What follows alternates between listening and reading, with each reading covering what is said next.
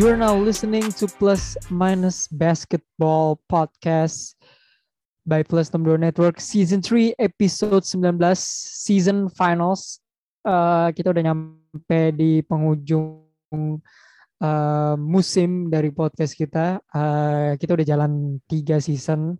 Buat yang lagi gabut ya, karena PPKM diperpanjang sampai nggak tahu, kayaknya sih habis Agustusan juga diperpanjang ya. So lu mungkin bisa binge listen dari season 1, season 2 dan season 3. We have three season of basketball and NBA related thing. Jadi uh, didengerin uh, tiga season ya. Dan di season 3 ini kita banyak banget ya episodenya lebih dari 20 episode reguler dan episode-episode uh, menarik di luar sana yang kalian mungkin bisa dengerin dan pengen mendapatkan elemen-elemen baru dari podcast NBA.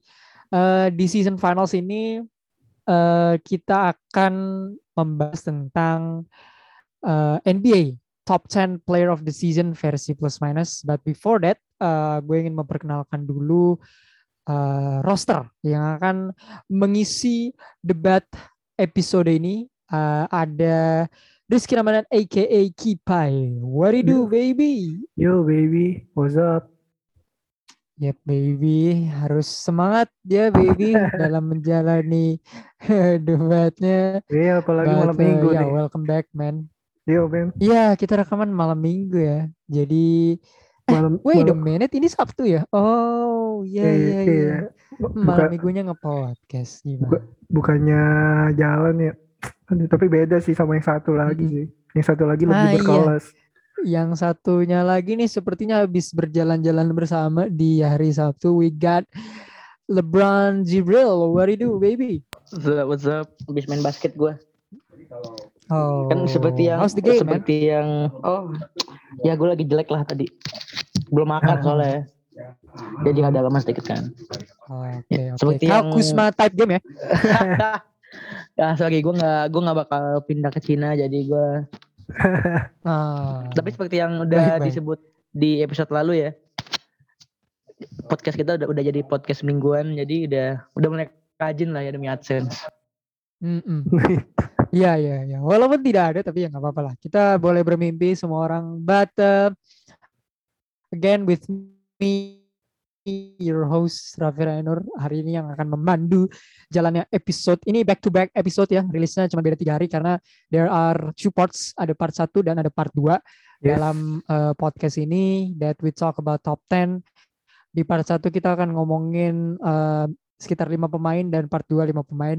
Tapi sebelum kita ngomongin player of the season I would like to say thank you yang udah dengerin season ketiga ini ya bener-bener ramai sekali season 3 yeah. ini iya. walaupun pendengarnya agak buta maksudnya gue nggak tahu nih ya pendengar yang mana-mana tapi I would like to say thank you buat yang udah dengerin hampir ya ada kali satu angkatan ya yang average episode kita yang dengerin tuh adalah satu angkatan SMA tuh ada jadi uh, I would like to say thank you dan mungkin kita akan review sedikit ya dari season 3 sebelum kita memulai kan ada bahasa basinya dulu dan ini bahasa basinya akan gue mulai dengan kedua rekan saya yang menemani dari season satu ini. So mungkin dari Kipai kali ya. Uh, sama tiga season dan more than 20 episode termasuk episode pilot uh, which episode yang menurut lo ya cukup menyenangkan ketika rekaman? Atau mungkin bahasanya what is the best episode out of season 3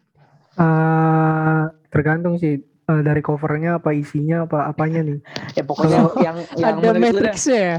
Oke. Okay. ya boleh dah dari, dari dari covernya yang mana dari isinya yang mana. Mungkin tapi tapi dari cover deh boleh. Dari cover dulu deh. Dari cover dulu ya. Dari, which which ya yeah, the best cover tuh yang mana?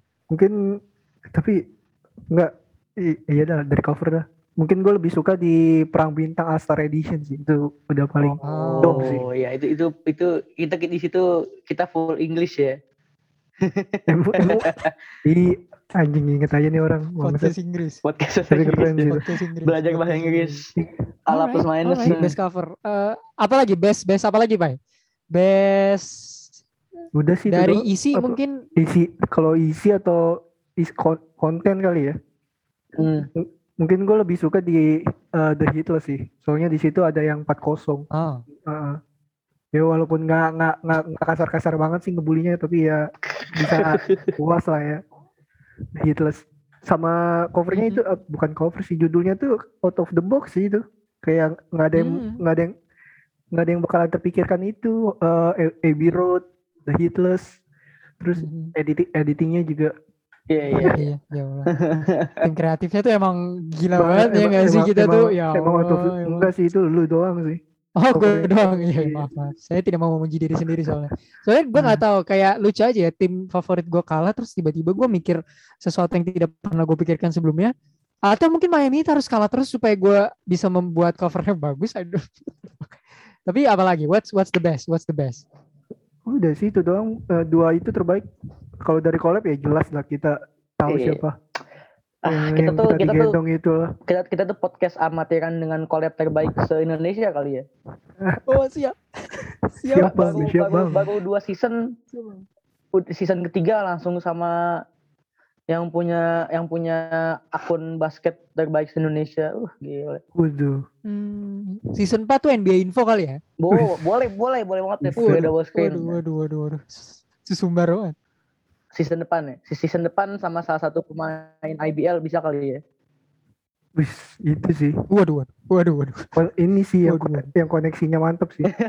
iya sih ada sih teman kita lah pokoknya nggak gue sama sama Kipa sih ada. Tapi Bril dari lu deh Iya. sesuai matriksnya Kipa yang satu unik tadi ya best cover konten mungkin episode Wah, kalau terbaik best cover, menurut gue itu apa? terlalu matiin cover sih ya. Gue sih Oh, nggak terlalu begitu. matiin cover sih ya. Gue tuh lebih gue, gue tuh lebih Sia-sia ke pekerjaan saya. lebih ke manusia yang fokus sama isi sih gue. Oh. Kayak kalau misalkan siap siap. lagi milih lagi milih pacar nih, ya gue cover mah belakangan yang penting hatinya dulu gimana. Sama kayak podcast gue mah cover pasti ya ya masa plus minus cover abal-abal kan nggak Yes. mungkin lah masa bos merangkap Oh iya jelas covernya jelek betul kan nggak mungkin. betul. Soalnya Iya, di antara kita bertiga kan yang bisa ngedit cuma Ray doang nih. Hmm, Jadi mungkin masih kalau ada editor yang mau masuk dengerin ini boleh juga ya kan? Boleh. Juga. Digajinya digajinya lima puluh ribu Nah, per iya, tahun. Oh enggak lah, enggak lah. Dua puluh ribu. Dua puluh ribu. Lebih murah Lebih ya, buset deh. Dapat lah Samsus bungkus. Gue sih lebih gue sih kalau cover semuanya suka sih ya. Eh, mungkin yang slow start The most, gitu the yang most. Yang stand out nggak ada yang stand out nggak buat lo? kalau gue sih slow start yang lebih yang masih yang yang bener-bener gue inget yang slow start episode 3 ya kalau nggak salah ya Oh. Itu bener. jadi itu jadi itu dua. itu kayak unik soalnya episode 2 ya soalnya unik karena Colin Sexton collab sama Usain Bolt badannya Usain Oh, Bolt mukanya oke, Colin oke. Sexton kan keren tuh Dia tuh di belakangnya tuh pemain-pemain bintang semua tapi depannya Colin Sexton jadi tiba-tiba muncul gitu kan ke permukaan gitu. Kalau isi gue lebih suka yang All Star ya jelas. Karena kita kan be- belajar bahasa Inggris ala plus minus ya. Jadi seru lah. Terus gue Hmm, suka yang waktu kita ngebahas IB, IBL sama timnas Indonesia. Karena itu tuh waktu itu Oh. reach-nya benar-benar bagus banget ya sampai-sampai waktu gue share di story gue itu hampir semua pemain IBL yang yang Satria Muda ya waktu itu kita, kita ngebahas. Satria Muda ya itu hampir seluruh pemain Satria Muda tuh ngelihat story story gue gitu jadi reach- reach-nya benar-benar mantep banget lah Betul betul. Oke Kayak- oke. kayaknya sih nggak ada yang nggak ada yang nge- nggak ada yang nge-repost ya tapi banyak banget gue lihat banyak banget pemain SM yang lihat jadi itu buat ya buat kita lah buat kita ya ya itu pencapaian yang wow sih ya Spesial. Eh, kalau bisa bisanya ada ada biasanya kita special from that. iya biasanya kita ngebahas pemain NBA bahkan pemain NBA kayak Gary Trent Jr yang kita mention aja mungkin nggak bakal ngelihat ini ada yang ngelihat gitu kan Kalau kalau kalau dari host kita sendiri nih, Oh baik baik. Tapi saya ingin eh, menanggapi Bapak Jibril dulu ya Pak. Soalnya saya berharap sih mudah-mudahan IBL oke oke. eh, mulai lagi ya supaya kan kita ada kekuatan lokal nih ya dalam diri Bapak Jibril. Jadi eh, kita akan membuka segmen khusus Bisa. basket lokal kalau Khusus IBL. IBL tuh eh, mulai gitu ya. Jadi mudah-mudahan IBL tuh nggak diundur-undur kayak kayak olahraga sebelah yang mulainya agak lama ya. Jadi mudah-mudahan IBL dimulai lagi dengan cepat. Jadi season 4 kita elemennya makin banyak ya kan. Jadi terbaik. benar benar Oke. benar Eh, kalau bagi saya sih cover dari so many good cover di season ini dibandingkan season 2 tapi Brooklyn Fine Fine eh, episode 3 menurut gue that's a, that's cool eh, uh, that's a cool cover sih menurut gue ya. Uh, walaupun not the best tapi menurut gue the reference the guy yang ada di situ ya Durian Harden dan Irving uh, sentuhannya bikin cover itu terlihat seperti superstar ya.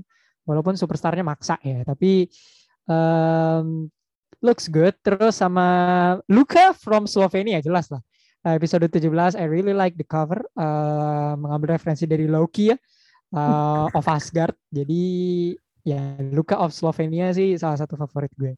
Untuk episode there's so many good episodes tapi uh, the one that kita bahas menteri itu sebenarnya gue suka banget tapi mungkin karena pendengarnya belum terkumpul seperti sekarang jadi nggak terlalu besar. You can guys check lagi di episode kedua ya, slow start. Uh, menurut gue itu sebenarnya covernya lucu sih, kayak maksa maksain kepalanya Sexton masuk di Usain Bolt aja sebenarnya tapi desa desa kalau ngomongin cover itu lucu terus tapi itu itu yang itu yang paling eye catching buat gue jadi oh, gitu? yang paling gue inget oh. cover itu itu yeah Oh. Selain maksudnya yang lain samar-samar doang kayak hmm. lu nyebut hmm. Brooklyn Fine Fine itu di gua samar-samar. Oh. Miami Heatless di gua tuh samar-samar doang. Okay, yang tiba-tiba pas di pas ditanya yang covernya paling bagus menurut gua itu yang pikiran itu. Jadi menurut gua itu yang paling oke okay. okay sih ya. Menurut gua ya. itu cover yang sangat lazy karena gua waktu itu bikinnya agak uh, rushing sama podcast lain kan gue lagi mau rekaman jadi gue uh, iya. bikinnya asal tempel aja ternyata bapak Jibril suka yang asal-asal tempel gitu ya mungkin tapi uh, saya bisa kayak menarik aja gitu maksudnya bukan okay, dari okay. bagus bukan dari bagus penempatannya tapi tuh lihat uh, iya jadi yang pemain yang tertinggal yang tertinggal itu ya pemain-pemain bintang lah semuanya hmm. LeBron James, Curry segala macam. Yang paling depan Colin Sexton. Sexton jadi jadi aneh gitu loh. Oke. Okay, Kok okay, bisa ini okay. ini pemain ngebawa timnya jadi fast start gitu ya, quick start ya. Sedangkan yang lain slow hmm, start, hmm. slow start kan aneh gitu. Oke, okay, oke. Okay. Nah, saya jadi bangga. Tapi kalau ngomong yang bahas menteri itu yang episode 2 gue sangat suka sama uh, episode 8 when kalau nggak salah itu satu-satunya episode yang kita rekaman langsung deh. Itu gue suka ya Orlando oh, Flashel. Iya.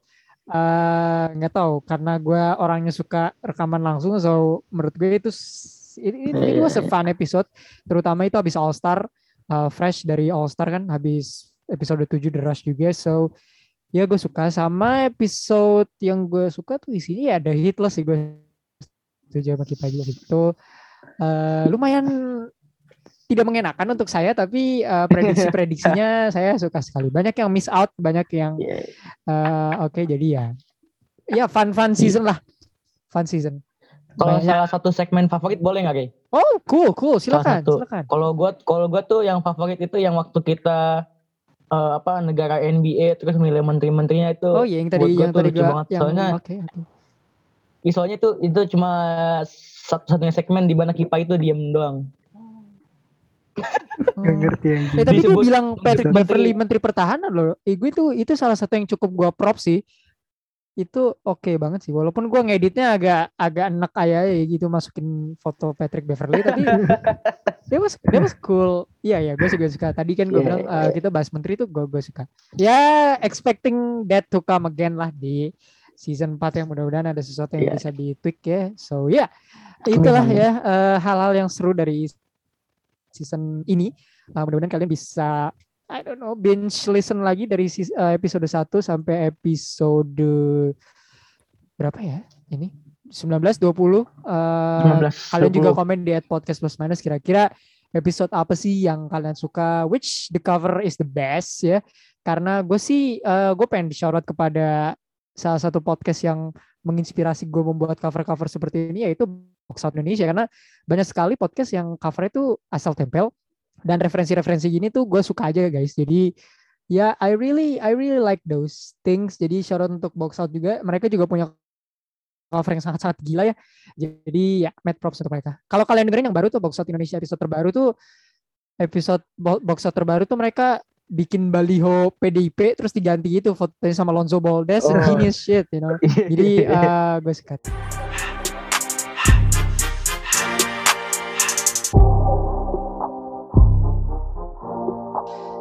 let's start to the real real debate. Um, terima kasih terima kasihnya udah ya. Kita di sini tidak hanya untuk hal-hal seperti itu ya. Kita di sini untuk menentukan the best of the best ya. Um, bisa dibilang ini yang masih gue pertahanin dari season lalu karena menurut gue ini pembahasan yang cukup seru ya. Uh, plus minus NBA top 10 player of the season musim 2020-2021. Uh, buat yang belum dengerin season 2, mungkin gue akan menjelaskan dulu bagaimana episode ini akan berjalan ya. So, NBA Top 10 Player of the Season versi plus minus adalah di mana kita menentukan uh, top 10 player of the season versi kita sendiri. Tapi yang harus diperhatikan oleh kalian yang dengerin adalah pemain-pemain dinilai dari outcome musim ini aja. Jadi benar-benar 2020 2021 aja outcome satu musim sebelumnya atau all time itu tidak termasuk ke dalam kriteria ini. Jadi listnya tuh setiap musim tuh bisa berubah, fluktuatif lah istilahnya. Jadi bener-bener musim ini aja. Jadi kalau misalnya ada all time great yang flop, ya kita bisa aja nggak masukin dia di top 10. Atau mungkin ada pemain role players yang bagus, Jamal Murray, kita bisa masukin ke top 10 seperti musim lalu. Uh, spoiler alert. Jadi seperti itulah. Dan pemain ini, pemain-pemain top 10 player of the season ini diukur uh, matriksnya itu dari stats pertama, impact dan outcome untuk tim serta accolades. Jadi persenannya itu adalah 50% impact dan outcome uh, dan accolades, 40% stats, 10% bias. Jadi kita perlu hal-hal yang seperti ini tetap ya. Jadi ada kebiasaan di sana tapi cuma 10%. Kita menilai dari impact ya, winning is important. Accolades apa yang didapatkan pemain-pemain selama musim ini itu 50%, 40% dari statistik yang menerangkan sebaik apa sebuah pemain bermain selama satu musim di lapangan dan 10% bias itu ya kita memilih sesuai uh, apa ya yang kita suka dari hati. Nah, 10 player of the season ini bukan dari list kita masing-masing. Yes, kita punya list kita masing-masing, tapi kita akan mempersatukan itu dalam sistem draft. Jadi kalau NBA draft itu kan biasanya tim-tim tuh ngambil pemain-pemain muda ya dari tim terbaik ya, dari pemain muda terbaik draft nomor satu, dua, tiga sampai seterusnya. Tapi kalau di play of the season kita ini kita akan mengambil 10 pemain dari 10 sampai satu yang urutan picknya sudah ditentukan oleh uh, kita di plus minus. Jadi sebelum gue uh, memberitahu urutan picknya, gue akan memberikan uh, list 15 pemain yang masuk ke dalam kriteria top 10 player of the season. Musim lalu kita punya 20, musim ini gue trim jadi 15 supaya uh, mengeliminasi 5 pemain nantinya ya. Karena kalau 10 pemain terlalu banyak yang dieliminasi takutnya ada yang uh, miss out dan lain-lain. So uh, gue minta izin kepada teman-teman saya berdua ini untuk menyebutkan 15 pemain yang masuk ke dalam top 10 player of the season candidate. Uh, 15 kandidat di top 10 player of the season. Yang pertama ada Giannis Antetokounmpo dari Milwaukee Bucks. Kedua ada Joel Embiid dari Philadelphia 7 ada Kevin Durant dari Brooklyn Nets. Empat ada James Harden dari Houston Brooklyn Nets. Um, lima ada Jason Tatum dari Boston Celtics. Enam ada Trey Young dari Atlanta Hawks. Tujuh Rudy Gobert dari Utah Jazz. Delapan ada Chris Paul dari Phoenix Suns. Sembilan Paul George dari LA Clippers. Sepuluh Kawhi Leonard juga dari LA Clippers. Sebelas ada Luka Doncic dari Dallas Mavericks. Dua belas ada Nikola Jokic dari Denver Nuggets. Uh, eh, 13 ada Damian Lillard dari Portland Trail Blazers, 14 LeBron James dari Los Angeles Lakers dan 15 Stephen Curry dari Golden State Warriors. Sekarang kita anggap kalian sudah mengerti ya uh, sistematika episode ini dan gue akan menyebutkan urutan pick. Jadi di pick 10 uh, eh, ada Kipai, uh, pick nomor 9 ada Jibril, nomor 8 ada gue, 7 Uh, Jibril lagi nomor 6 dipilih oleh Kipai. 5 gue, 4 kembali ke Kipai, nomor 3 Jibril dan nomor 2 Nomor 2 adalah unanimous pick yang nantinya harus disepakati oleh kita bertiga bahwa pemain ini adalah the best player of this season. Saya memberikan kehormatan kepada Bapak Kipai karena timnya yang paling lama berada di playoffs daripada gue dan Jibril. Jadi eh, sebelum mulai ke Kipai, jadi nanti Kipai kasih pemainnya. Eh, Kipai berhak untuk memberitahu kenapa dia memilih pemain di urutan tersebut. Dan gue sama Jibril berhak untuk eh, membantah kalau tidak kita tidak setuju dan mendukung apabila kita setuju. Jadi pemain ini bisa unanimous pick, bisa dibantah sama gue atau Jibril atau siapa pun yang tidak berada di pick ini. Mudah-mudahan sudah mengerti. Jadi silakan Kipai untuk uh, memulai plus minus NBA top 10 player of the season.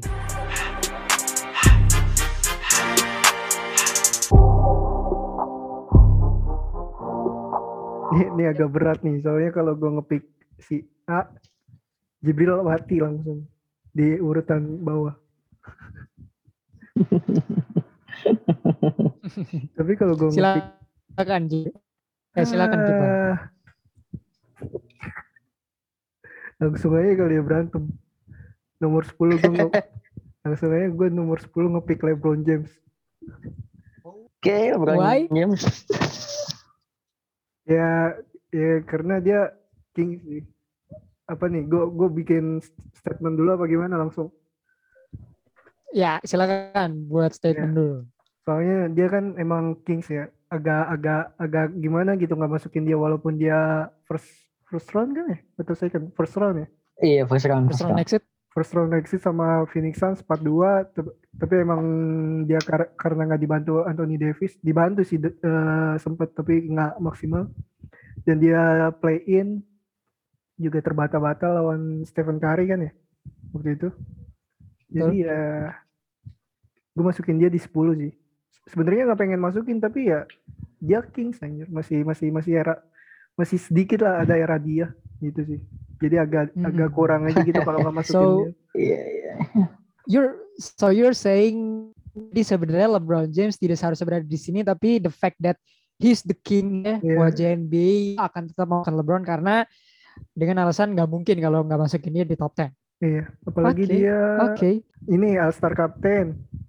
Iya, iya, iya. benar-benar. Ya intinya di umurnya LeBron James yang sudah Ah, men- menjelang pensiun masih bisa mencatatkan rekor-rekor yang mungkin pemain-pemain yang di umur dia tuh masih eh, nggak bisa ya. iya, itulah kata Brown, Brown seksual nomor satu se- selipera ya. Iya. Gitu sih. Alright. LeBron James in Ten. 10. Uh, keep in mind. Uh, season lalu, season lalu itu dia ada the best Iya, player of the iya. season. He's the number one. And he's now in 10. Jadi gue sekarang mungkin ke Jibril dulu. Do you agree dengan LeBron James being in 10 atau lu tidak setuju? Is LeBron James in 10 adalah unanimous atau tidak? Setuju aja ya. Setuju ya karena bahkan kalaupun misalkan eh, LeBron James nggak masuk pun gue setuju, setuju aja Ah. karena memang dia udah dia musim ini emang bukan musim dia. ma- musim jayanya dia ya bukan musimnya dia aja gitu. Kayak gue udah pernah bilang kan di episode episode lalu ya beberapa, episode lalu kalau misalkan ada yang bilang LeBron James itu udah tua dan udah mendingan pensiun aja ya gue setuju. Karena memang udah nggak ada yang perlu perlu lagi dia buktiin ke orang-orang. Jadi ya buat apa lanjut ma- main basket lagi gitu. Maksud gue ya it's okay kalau dia 10 nggak apa-apa. Karena emang dia lagi musimnya begini kok. Hmm. ya wa- wajar aja sih buat gue kan kalau misalkan biasanya kan banyak fans-fans LeBron James yang apaan nih LeBron James ke 10 enggak dia tuh raja dia tuh harusnya nomor satu. Ya tapi kan dia kan cuma All Star Captain doang sama All NBA Second Team kan musim ini kan. Mhm, mhm. jadi ya ya ya sudah saatnya kita mengakui lah kalau sang raja sudah mulai tua kan. Itu Alright. itu sih kalau gue sih. Ya, setuju, aja sih gue Oke, oke. Secara kualitas kita nggak bisa deny, he's still probably top three best player in the season, uh, in all time juga. Ya, tapi based on this season, LeBron James cuma main 45 game. Uh, statsnya it's not really really bad guys. 25 points, 7,7 rebound, 7,8 assist, dan dia sangat efektif musim ini, 51% dari field goal. Uh, tapi yang tadi kita Kipai bilang ya, uh, first round exit pertama kali selama karirnya dia, Bril. Uh, Yep. First time in his career dia kalah di first round uh, lawan Phoenix Suns dengan Chris Paul. Dia juga cuma main 45 games. Gue menurut gue kalau LeBron James statsnya lebih bagus pun gue nggak bisa memasukkan dia karena he plays so little time gitu ya. Uh, karena cedera ankle uh, dan beberapa hal lainnya pergi bersama Drake keluar terus ya yeah, many things terus dia ankle injury dia miss 27 game di regular season uh, tapi menurut gue kenapa LeBron still deserve to be here adalah menurut gue Lakers will not be in the playoff kalau LeBron yeah. James tidak ada tidak ada gitu. Maksudnya dia tidak pulih secepat mungkin ya. Menurut gue Lakers tidak akan menuju ke sana gitu. Kan Lakers tuh pas ada LeBron tuh LeBron tuh MVP candidate man. Pas hmm. sebelum ankle injury dia lawan Hawks ya. Kalau nggak salah ah. lawan apa gitu. Iya dia ya. MVP candidate. Dia iya. tuh masuk MVP candidate. Dia nggak is not the first, tapi dia tuh definitely top 3, top 5 gitu ya. Uh, bahkan Lakers sempat ada di seat ke 3 4 ketika LeBron masih ada di sebelum All Star um, sebelum All Star break ya.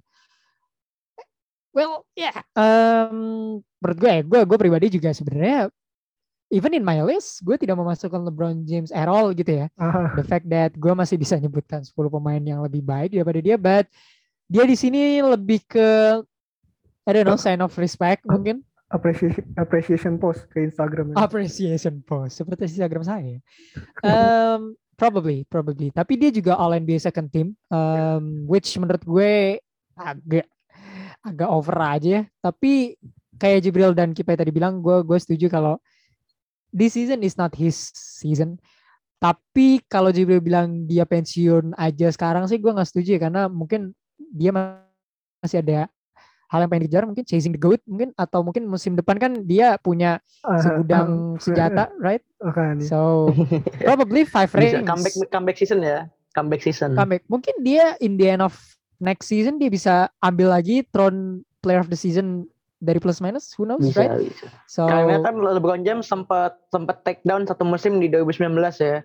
Mm -hmm, dan kemudian di, di season 2020 NBA season 2020 dia bangkit dan mulai juara lagi? Ya jadi ya mengambil kembali tahta yang diambil oleh manusia cakar ya si the cloud the cloud. Betul, betul. manusia cakar gitu walaupun dibantu oleh super team lagi tapi it's okay it's fine. It's LeBron way so unanimous ya guys. Pilihan Kipai uh, LeBron James dari Los Angeles Lakers. Yep. sayang banget ya padahal dia kemarin player of the season. Kan Gak, ya nggak apa-apa sih. Maksudnya kan ada ada up and downs ya mungkin ya. Oh, iya. main ada up and downs. Jadi iya. kalau misalkan musim lalu peringkat satu musim sekarang peringkat 10 ya is okay lah. Okay. tapi jangan sampai peringkat sekarang 10 eh peringkat eh, season depan peringkat 20 kan artinya kan nggak ada iya. nggak ada penaikan gitu kan kesempurnaan hanya milik Michael Jordan oke okay, oke okay. cukup LeBron James uh, surprise nggak surprisingly yeah. cuman untuk level seorang LeBron surprisingly he is in 10 Nomor 10. Nomor 9 mungkin over to you, bro. This will be fun. Uh, eh, gue masukin namanya itu kayaknya bakalan sangat kontroversi ya karena uh, Kipai sama Ray nggak masukin namanya tapi gue masukin karena uh, dia menunjukkan kalau dia itu benar-benar seorang carry player sejati ya di samping LeBron James sama Kevin hmm. Durant. Gue di nomor 9 gue masukin nama Stephen Curry dengan pencapaian uh, league league leader in scoring uh, dan uh, mencetak rekor baru untuk three pointer ya dan juga all, per, uh, pemain pertama yang bisa all NBA first team tapi timnya nggak masuk playoff kalau nggak salah ya atau mungkin sedikit salah satu dari sedikit pemain yang bisa masuk all NBA first team tapi timnya nggak masuk playoff ini gue naruh Stephen Curry di peringkat 9 dan juga all star starter dia. Oke. Okay. Ini itu untuk ini kayaknya bakal banyak banyak kontroversi ya, bakal banyak perdebatan mungkin. tapi gue naruh di 9 di 9 ini sebenarnya gue naruh dia di 10, LeBron James di 9, tapi karena kita udah nyebutin LeBron James 9 di 10 jadi gue gue gue naikin ke 9 lah, enggak apa lah. Bu, buat mungkin peringkat 9 sama 10 buat gue ini penghargaan aja ya buat dua pemain legendaris yang memulai era rivalitas yang panas banget ya selama lima, selama empat tahun jadi rival. Sekarang ya mungkin mereka jadi season main-main aja ya kayak di All Star cuma mereka have fun banget. Ya buat gue lah naruh dua pemain ini di kayak tadi Gipai naruh LeBron James di 10 gue setuju aja. Sekarang gue naruh Curry di 9 karena memang ya ya menghargai legenda-legenda lah yang mungkin di umurnya harusnya mereka nggak bisa perform bagus tapi ternyata mereka masih bisa perform yang cukup baik. Bahkan Curry bisa oleh NBA first team. Nggak ada yang nyangka gitu ya padahal dia bantuannya cuma Draymond Green doang tuh. Nggak ada yang nyangka itu. Mas-mas biasa.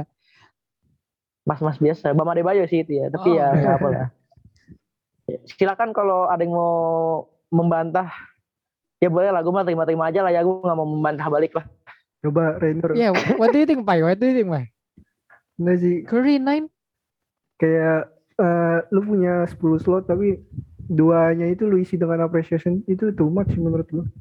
Oke. Jadi Oke. mungkin gue kalau gue dapat pick ke 9 mungkin gue bakal udah udah stop appreciation sih. Hmm, masukin siapa gitu yang bener-bener itu. Itu sih. Itu pilihan dari gue.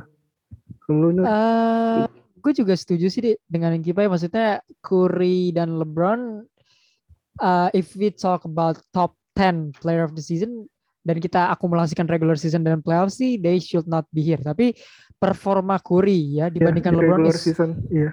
Curry is way better. Tapi menurut gue in terms of top 10 LeBron is not should be here dan Curry harus di sini tapi di posisi 10 you know karena Iya, iya. satu-satunya asterisk atau pengecualian kenapa Curry itu tidak bisa lebih dari 10 atau 9 adalah he missed the playoffs. He missed the Iya. playoff. That's Iya, it menurut gue that's it. Dan kita di sini kan value win lebih daripada stats tapi kan kita juga harus ngeliat konteks. Gue ngerti kenapa Jibril masukin Curry selain karena dia breaking out di mana-mana season ini. Eh he play with freaking Draymond Green, man. Andrew Wiggins ya, Iya. Kelly Oubre iya dan dia hampir masuk playoff.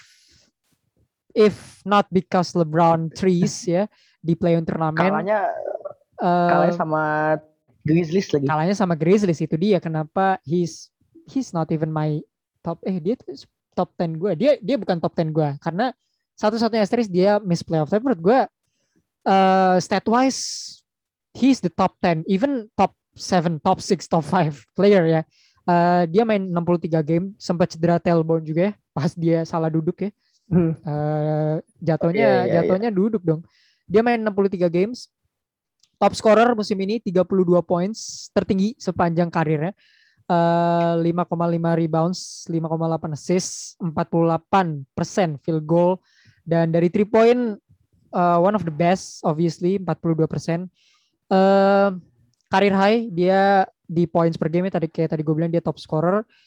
Tetap jadi nomor satu three point mate 337 three. Eh, di mana yang lain tuh nggak tembus. Mencetak rekor baru ya? Dia nggak tembus 350 pemain lain. Dan Curry itu 337 iya pemain lain itu nggak tembus 300-an Eh, terus ada beberapa stats yang pengen gue bring up dari impact seorang Curry ini mungkin agak susah untuk menjabarkannya tapi pelan-pelan ya mas Eh, Oke.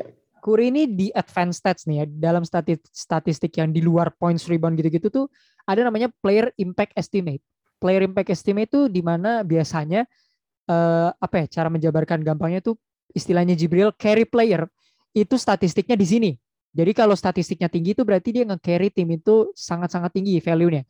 Eh, player player impact estimate atau singkatannya PI itu eh, PI, average-nya tuh 10 Baik.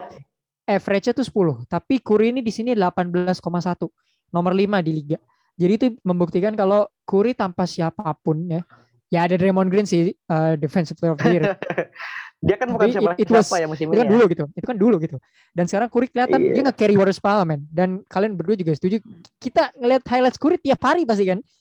Di, di Iya, regular iya, season benar, tuh benar. tiap hari gitu, 62 poin lah, 55 Bukan- poin lah. bukan cuma bukan cuma hasil bukan cuma highlight NBA doang ya mungkin kalau misalkan ada game Warriors yang di highlight sama NBA Curry cuma doang. Curry doang gitu Curry ya. dong. Curry dong. Dan eh ya karena bola banyak di Curry gitu. Nomor 4 di usage rate Iya. 33,1 itu membuktikan kalau bola tuh selalu ada di Curry, strategi itu selalu Curry.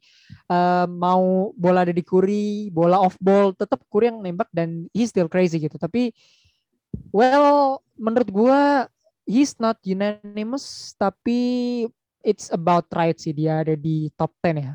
Sayang mungkin LeBron harus berada di 10, he, he probably in 10 tapi Curry ini all, all star starter ya. Eh, dia main sama LeBron one of the best moment di NBA musim lalu. Nomor tiga di MVP dan All NBA First Team despite nggak masuk Iya. ke playoffs. regular season ini rich banget. Sayang dia nggak di playoff. Mungkin dia kalau di playoff dan I don't know, kalah di Iya. first round mungkin dia bisa nomor 8, nomor 7 tapi ya gue nggak bisa nggak setuju sih dengan ini. Maksudnya statistik impact walaupun Warriors nggak masuk playoff, Curry capek gila ininya punggungnya gitu. Make habis ini dia make ini. ya. Iya. Biasanya kalau sakit punggung pakai apa? Kasian sih ya. Ya Salon pas. salon pas betul. Kasihan sih. Tapi Salon pas. ya udahlah. Mungkin kalau Kipai nggak begitu feeling, menurut gue this is a 50-50 call, so mungkin gue bisa approve. So it's Terima ya, dua banding satu, so ya oke lah. Iya. Stephen Curry sin. Tapi gue boleh apresiasi sedikit buat Curry ya. Sure, sure. Karena pertama kalinya pertama kalinya dua bintang dalam satu era NBA tuh bisa bermain di tim yang sama tuh fun gitu. Kalau misalnya kayak Magic Johnson sama Larry Bird kan nggak pernah ya. Dia udah mereka, mereka main untuk satu tim yang sama sampai pensiun di All Star juga beda tim. Terus waktu Karim sama Will Chamberlain juga nggak pernah. Waktu Michael Jordan sama Kobe Bryant juga nggak pernah bisa main bareng satu tim. Akhirnya ada akhirnya ada di satu era dua pemain bintang, eh, ibaratnya dua ikon lah Mhm. dua ikon NBA dalam satu masa bisa bermain satu tim dan kayaknya have fun banget gitu ya. Itu ibaratnya Curry itu buang buang apa buang nap, apa buang beban gitu lah. Beban hidup dilupain have fun. Gue gue gue gue senang loh, senang sampai kayak mau nangis ba- bahagia tuh lihat Curry akhirnya bisa bahagia ya main di NBA. Biasanya kan stres kan karena dari Draymond Green, Kelly Oubre, Andrew Wiggins mem- mem- membebani dia terus akhirnya bisa senang gue juga ikut bahagia gitu merasakan kebahagiaan dia gitu. Gimana sih? Kayak, kayak senang gitu. Padahal gue inget tiga tahun lalu gue tuh benci banget sama dia. Ya di 2018 dia ngalahin Cleveland 4-0 tapi sekarang jadi- tapi gue jadi ikut bahagia Hmm. karena dia bahagia gitu. Musim lalu dia bahagia gue emosi kesel. Lebih sekarang gue ngeliat dia bahagia gue pokoknya bahagia aja lah ya. Alright, alright. gitu Cool, cool. So LeBron James in 10, Curry di 9. Vote 2 banding 1, so we still put Curry in 9, gue di 8. It's tough, man, karena di sem- gue yakin ada satu pemain yang miss out dari list gue and that's very huge. Uh, but in number 8, I will put this player is top 3 ya. Eh, gini, ini spoiler alert. Eh, top 3 musim lalu tuh nggak ada di top 3 musim ini. So Luka Doncic in 8. Dia musim lalu di posisi 3. Dia sekarang di posisi 8. Eh, I don't know if you guys agree atau kalian bisa naruh satu spot lebih tinggi. Tapi bagi gue kenapa Doncic kemarin sangat hebat ya kesannya karena it's his first playoff kan Ya, di ya. musim keduanya di saat dia masih muda gitu ya. Ini udah season kedua dia di playoff eh kalah lawan tim yang sama walaupun dia bermain lebih baik. Eh seharusnya gue taruh dia di tujuh tapi dia kalah first round. That's that's the that's the thing yang nggak bisa gua eh, naikin dari seorang Luka gitu. Eh, walaupun dia bermain lebih baik di playoffs melawan Clippers dia forcing game 7 di mana musim lalunya itu game 6 ya 4-2 kalinya sekarang 4-3 tapi loss is still loss kan kalah tetap kalah gitu tapi gue nggak tahu gimana pemain ini cuma end up di 8 dengan statistik yang segila ini menurut gue ya dia main 66 games eh, 27,7 points 8 rebound 8,6 assist nomor 5 di liga 47% field goal itu di regular season di playoff itu 40 menit 35 points 35,7 poin nomor satu tuh ya di playoffs. 8 rebound, 10,3 assist. Itu nomor 2 di playoffs. 1,3 steal, 49 field goal, 40% dari 3 point. Dia sangat efektif di playoff, tapi di regular season tuh agak slow start gitu. Karena well mungkin masih belum nyetel sama timnya. Eh, impactnya juga sangat-sangat besar. Dia dia satu-satunya pemain kalau gua nggak salah di saat Clippers eranya Leonard sama Paul George, cuman dia yang bisa cetak 45 plus poin ke tim itu. 46 poin di game 7 kalau gue nggak salah. Di saat dia kalah tuh dia cetak 46 poin dan itu karir high-nya dia. Karir high-nya dia tuh di saat di game dia kalah di game 7 gitu. Dan tadi gue udah nyinggung PI ya, PIE, Player Impact Estimate, dia nomor 6 17,9 dan usage rate-nya itu usage rate-nya itu dua. Berarti dia kan ba- bawa bola tuh sangat banyak gitu ya bersama Mavericks dan di NBA. Kelihatan banget Mavericks tuh relying so much on Luka Doncic. Sama kayak Slovenia kemarin di Olympic. Eh sama lah 11-12 timnya. Dia All Star starter, All NBA first team juga. Tapi sama kayak Curry he ya ya kalah first round gitu sih. Mungkin kenapa dia lebih baik daripada Curry dan LeBron the fact that his stats, his accolades, his impact jauh lebih baik daripada dua pemain yang udah kita sebutkan. So that's why I'll, I'll put Doncic in eight. What do you think guys? Unanimous? Eh, Sebenarnya gue sebenarnya gue pengen naruh Luka tuh, gue naruh Luka di tujuh ya sebenarnya.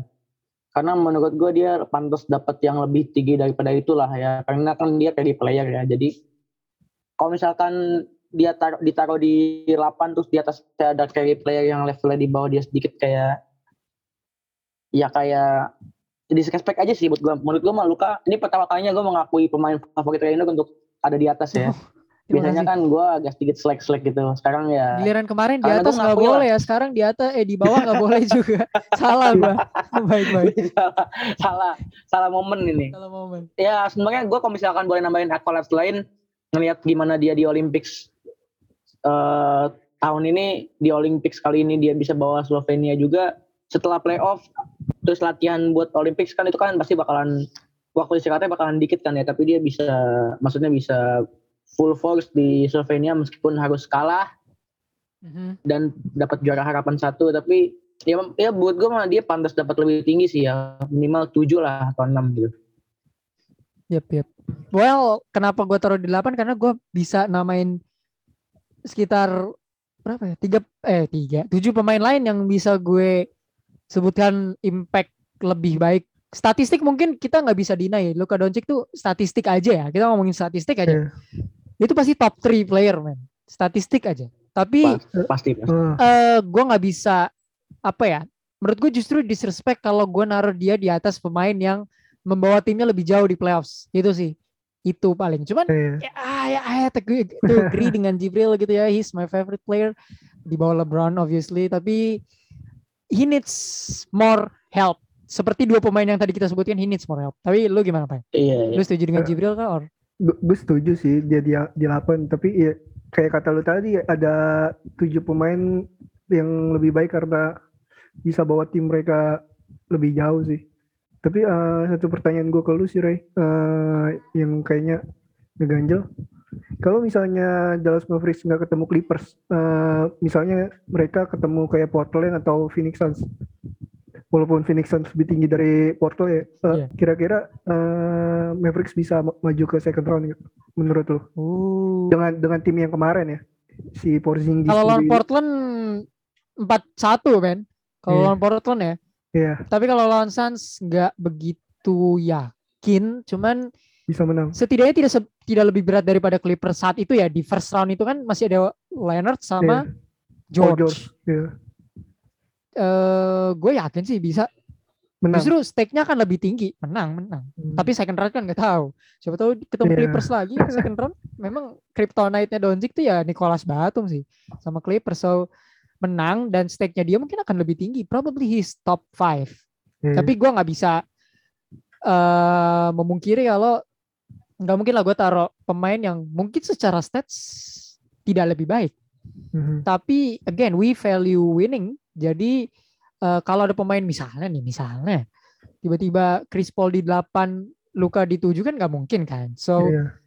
ya menurut gua it's about right sih. Walaupun gue setuju sama Jibril sebenarnya dia carry parah kan. Carry-nya tuh parah banget men dibanding dibanding pemain lain yang akan kita sebutkan mungkin Curry LeBron sama Doncic nih carry-nya punggungnya yang paling ini trio punggung patah Sampai, sih menurut sampai, gue. sampai cedera bahu kan ya.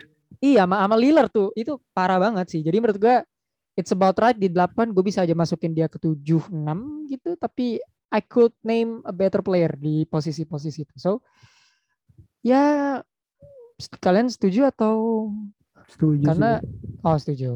Tapi Jibril agak eh, bisa naikin so it's probably dua banding Naikin satu sih, ya. Dua banding satu. So ya We move on. Eh, nomor 10 LeBron James, 9 Stephen Curry, 8 Luka Doncic, eh, nomor 7 Jibril. Iya. Tadi sebenarnya gue mau naruh Luka di tujuh ya, makanya kenapa gue bilang ke Raynor harusnya Luka sedikit lebih di atas. Mhm. Tapi ya sudah berlalu lah, sudah lewat. Jadi kita tinggalkan masa lalu dan move on menuju masa depan ya. Karena gue udah naruh, karena Kipai, eh Ray udah naruh pemain yang mau gue taruh di tujuh duluan di nomor 8. Jadi gue akan naruh pemain yang di nomor 6 untuk gue taruh di nomor 7 yaitu Oke. Kawhi Leonard. Alright. Gue naruh di Kawhi Leonard. Sebenarnya gue naruh Kawhi Leonard di, pick- di 6 ya di atas Luka ya. Tap- eh, karena memang secara eh, stats mereka nggak stats mereka nggak beda jauh. Ya, sure.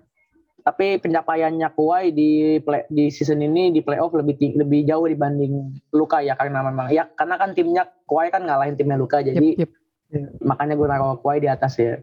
Sebenarnya gue naruh Kawhi di 6, tapi karena Ray udah nyebutin Luka di 8 dan gue harus Sorry. nyebutin Luka di 7, jadi Kawhi gue turunin di 7. Nggak apa-apa santai, cuma gue takutnya ada fans Kawhi kan di sini ya Ray, jadi takutnya dia emosi aja Lo gue. juga lo lo ini fun fact ya, fun Lu fact ya. lu lihat list gua ada, uh, Bril. Fun fact ya, justru Kipai tidak Oh, menaruh Kawhi in top 10. That's unique. Ayo. Ya udah berarti gue berarti gua aman ya, malam ini gue aman kan nggak bakal diteror apa pun Aman, kan. aman, aman. aman ya gue malam Aman. ini ya. Ya pokoknya eh, sebenarnya Kawhi itu dia juga pantas 6 ke atas sih ya. Karena maksudnya dia masih tetap bisa ngegendong Paul George yang eh, begitulah. Tapi karena kebetulan Paul George ini lagi bagus, jadi mungkin Kawhi ditaruh ke 6 6 atau 7 mungkin Cukup ya. ya oke lah ya bisa ya. Cukup cukup. Gue naruh Kawhi itu alasannya emang agak sedikit nggak logis sih karena eh, Ray udah naruh Luka duluan di 8 Ya, ya. dan gue harusnya naruh Luka di 7. Iya. Ya silakan di depan deh as- alasan gue. ya pokoknya gitulah. Ya Gimana, pasti Pai? selalu tahu untuk Kawhi lah. Is Kawhi too high? gue juga sebenarnya bingung antara mau seneng atau emang kesel aja gitu sama Kawhi. Gimana ya? Dia cedera sih, anjing cederanya juga kagak jelas gara-gara pengen ngedrive gitu doang. Tapi ACL anjing.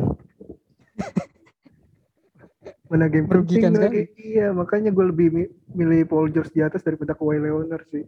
Mhm. Soalnya pas Kawhi Leonard kagak main, Paul George jadi bagus. Tapi pas Kawhi Leonard main, Paul George ya biasa aja. Itu sih jadi gue bingung aja antara mau seneng apa enggak dan mau masukin apa enggak. Tapi gue lebih milih nggak masukin sih. Karena ya itu. Walaupun dia bermain 52 games ya lebih banyak dari biasanya. Lebih kedongkol sih gitu. Iya, iya. gue sebenarnya naro dia satu spot di bawah Luka sih sebenarnya. Ah, Tapi it's about right karena kayak tadi Jibril bilang sebenarnya agak tipis kan. Satu hal sebenarnya yang mempengaruhi Leonard kenapa dia bisa serendah ini, ya it's because dia ACL ACL injury kan. ah, Mungkin kalau dia nggak, ini gue nggak tahu ya. Tapi kalau Kawhi Leonard nggak cedera, Clippers win easy man Iya. against Suns ya. Probably six games. Mereka kan kalah 4-2, mungkin mereka bisa menang 4-2 gitu. soalnya kalahnya juga tipis-tipis kan. Sure. Dan kalau ada Kawhi Leonard, ya ada closernya gitu. Dan Mhm. Paul George juga bermain sebenarnya tidak begitu buruk dengan adanya Kawhi. Dan Kawhi ini value-nya juga masih tinggi sebagai pemain yang menjadi nomor satu di Clippers gitu. He play 52 games itu kalau dia equivalent kita main 82 game tuh dia main 62 game. Probably dia miss 20 game. Eh ya lebih baik statistiknya juga statistik yang Kawhi banget gitu ya. Mhm. 24,8 points, 6,5 rebound, 5,5 assist. Turnovernya dia juga dikenal sebagai pemain yang tidak sering melakukan turnover ya, cuma dua per game. Yep. 1,6 steal, 51 field goal, cukup efektif, 39,8 three point. Statistik yang sangat Kawhi sekali gitu, efektif, eh, statistik yang sangat tidak buruk. That's why Dan- menurut gua Hmm. kalau ngomongin regular season jelas dia kalah sama Doncic, jelas banget. Tapi memang eh, dia nggak jauh di situ gitu loh. Dan di playoffnya aja dia sebelum dia cedera nih ya, dia main 39 menit. Bagi seorang Kawhi yang apa ya, Males. yang suka load management main, tuh iya. 39 menit tuh banyak men.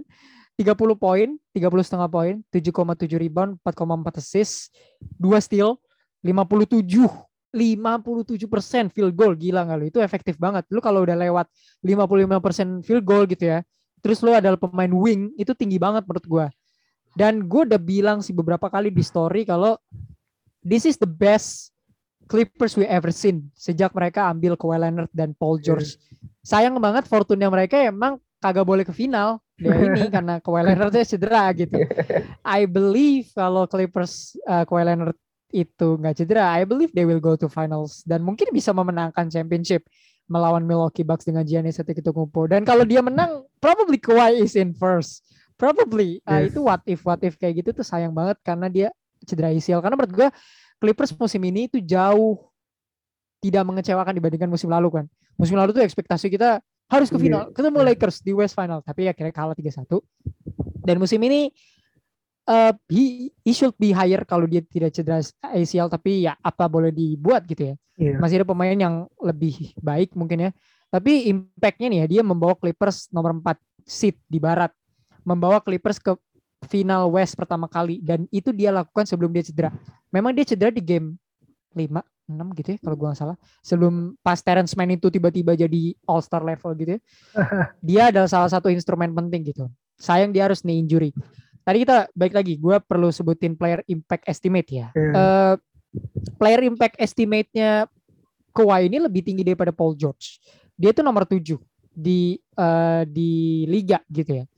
Dan ya one of the best gitu. Dan gue yakin Clippers sebenarnya kalau Paul George nggak nyala mungkin ah, wassalam gitu ya. Mhm. Tapi he is one of the best the best offensive player nomor satu offensive ratingnya 121,4 itu ya karena statistik dia yang tadi sempurna itu yang tadi efektif all star starter juga all NBA first team all defensive second Kawhi Leonard banget gitu loh kayak good on both ends so ya gue rasa nggak nggak nggak perlu didebatin sih Bril. He is, he is, he is good. Sayang banget dia ACL itu aja sih. Iya. karena dia musim depan Iya, iya. baliknya tuh agak lama ya jadi Paul George harus mengeluarkan kekuatan terbaiknya lagi untuk supaya Clippers bertahan di top sih.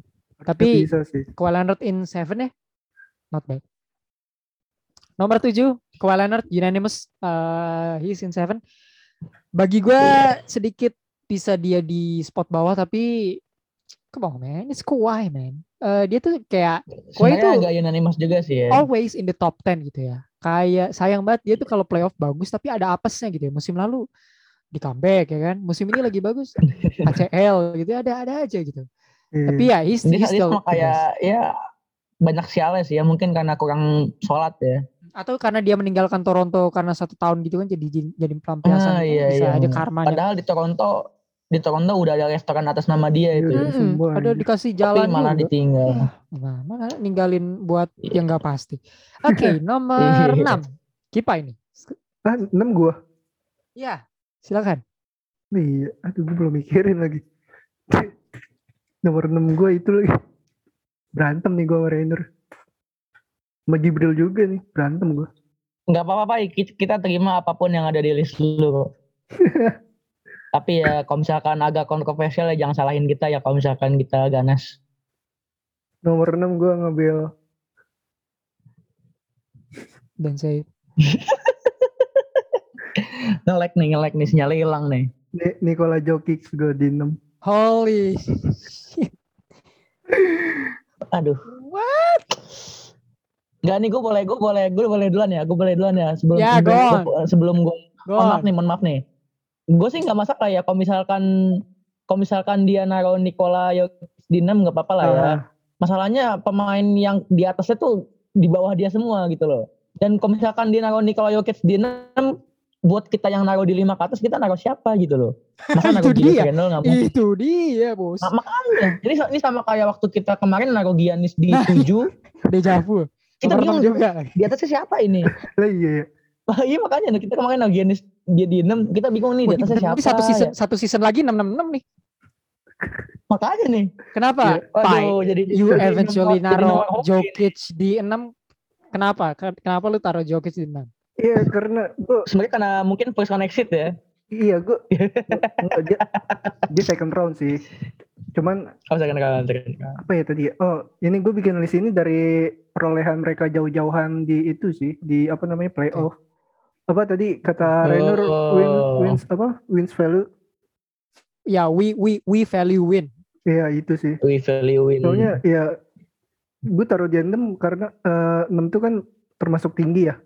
Menurut gua Iya, karena dia eh, perole- perolehan dia di regular season cukup banyak dia MVP terus dia apa namanya di MVP All Star Starter All NBA First Team ya Nick Jokic ya ah. kalau nggak salah ya MVP, MVP sih itu yang bikin dia gu- gua MVP. taruh di enam gitu bahkan kan di masalahnya setelah Yok setelah Jokic lu naruh Embiid by ya Embiid kan lebih lebih jauh kan eh enggak sih I- dia kan second round exit juga Ya, tapi Denver di sweep sih. Tapi- Cuman ya I I understand, Iya I sih. understand. Cuma Sixers kalahnya sama Hawks. Oh. Sama Treyong. Treyong, Treyong nggak masuk top 10 Cuma- kita. Cuman kan gara-gara Ben Simmons kan. Walaupun Denver Nuggets juga tanpa murah ya, tapi ya itulah. Mhm. Oke, oke. Iya, Ini MVP, bye. So Ya, basically kayak satu-satunya pengecualian itu adalah karena dia kalah di second round. That's it. Iya, second round dan dia MVP makanya dia di enam. Kalau dia nggak MVP, Ah, Giannis juga gara-gara Iya, iya. kalah sama hit kan. Bahkan lu sih. sampai ngatain player sampah kan, Bro? iya sih. Kalau sekarang kan sudah Iya sih, cuma dihormati. sekarang kayaknya kalau sekarang ya itu kalau misalkan MVP yang sekarang kayaknya nggak buruk-buruk banget sih ya. Maksudnya Iya waktu dia kalah second round kita kita happy ya. Maksudnya kita banyak Malah malah, Menghina malah cuma- apresiasi dia sih. cuma Tapi gini, tapi gini, tapi ya- gini. Eh ya, memang dia kehilangan Jamal Murray, tapi tidak ada slender dia kalah 4-0 gitu. nggak ada sih soalnya soalnya dia rendah hati juga ya datangnya. Ngerti nggak? Soalnya kan kalau kalau Giannis tuh musim lalu kita naruh kita ekspektasi dia bakalan final lah ya. Tapi ternyata dia Hmm. cuma second round doang. Kalau sekarang kita nggak ada nggak expect Jokic. Bahkan kita nggak mengekspektasi Jokic di awal season untuk Ini- jadi MVP pun nggak ada gitu loh. Ini Jadi kalau jadi maksud gue dia di dia di enam tuh kayaknya eh, agak sedikit disrespect sih ya. Iya sih. Eh, kalau musim lalu tuh kan Giannis slender tuh karena kita ber- pertama emang kita berharap sama Giannis dan kedua tuh dia nggak lebih baik dari Chris Middleton musim lalu. Kalau sekarang tuh Nikola. Kalau- kalau sekarang ya the best Denver Nuggets-nya ya Nikola Jokic, Iya, iya. Jamal Murray-nya itu itu sih. Jadi mungkin kita nggak slender dan dia nggak tengil saat itu. Dia sampai bilang dia udah berusaha bla bla bla MVP terburuk. Eh, dia yang bilang ya kalau nggak salah. Gitu sih. Mhm, mhm. Jadi Eh sebelum gua kasih pandangan gue nih ya, Gimana gimana? which one is dis- disrespect? Kita tidak menaruh Jokic di top 10 musim lalu atau kita tidak menaruh dia di top 5 musim ini? Kalau gue sih, kalau gue sih kita tidak, kalau kita, kalau gue kita tidak menaruh Jokic di top 5 musim ini yang disrespect. Oke. Karena musim lalu kan dia accolades-nya cuma eh, second and all NBA second team But sama he go to he went to All Star bench ya. West Final. mhm. Iya, tapi Should tapi kalau cuma West Finals doang bahkan tim kayak Hawks pun bisa kan. Iya sih, but Bahkan bahkan kaliber Ha- kaliber Keyong sama Jokic itu beda gitu levelnya. Dan Hawks itu bisa memberikan perlawanan yang lebih oke kepada Nets dibandingkan Nuggets kepada Lakers musim lalu gitu. Oke oke. Jadi maksud gua lebih disrespect Jokic gak masuk top 5 di season ini dibanding Mhm, Jokic nggak masuk top 10 season lalu karena memang di musim lalu karena kayaknya emang, kita emang setiap musim nggak ngasih ekspektasi apa apa ke Jokic ya maksudnya Iya. karena emang dia pemain yang nggak perlu kita kasih ekspektasi gitu kan Iya. Mungkin karena Denver Iya. Nuggets is a good guy team kali ya. That's why we never put them a lot of Iya. expectation gitu ya. Iya. Padahal sebenarnya tim ini Iya, harus dikasih iya, ekspektasi lebih sih menurut gua karena di setiap musimnya tuh mereka selalu borderline um, West Final team gitu. Tim yang sebenarnya bisa ke final materinya tapi always ending up apes aja gitu sih menurut gua ya. Iya. Eh, menurut gue justru lebih disrespect musim lalu sih karena we put Jamal Murray di 9 kan. Jadi eh itu tapi- itu soalnya itu gara-gara Itu- gara-gara ya, saya itu gara-gara saya naruh di Jimmy Butler di 10. 10 Iya. Maaf. salah. sebenarnya Jamal Murray di 10 Jimmy Butler Oke, duluan oke. But um, ya gue tidak setuju dengan Jokic di 6 sih karena he play so Oke, so oke. good. Despite despite dia kalah 4-0 sebenarnya menurut gue sebenarnya menurut gue ya slendernya sih harus lebih banyak ya. Maksud gue nggak adil sih melihat pemain pemain lain kalah gitu ya memalukan kena slender tapi Jokic enggak. Walaupun dia pemain Eropa tapi menurut gue I know Jamal Murray, I know Jamal Murray playing a big part di Denver. Gue tahu, tapi kan bisa dong menang tanpa Jamal Murray ya. Tapi kan lawannya Suns. That's why mungkin orang Iya, ah iya. wajar kok Jokic gitu-gitu. Tapi eh ya sebenarnya gue little bit agree dengan alasan yang tadi Kipai kasih ya. Tapi mungkin dia harus lebih tinggi lagi the fact that he's MVP. eh dia bermain lebih baik mungkin daripada pemain-pemain yang akan kita sebutkan nanti. He play. Ini fun fact ya.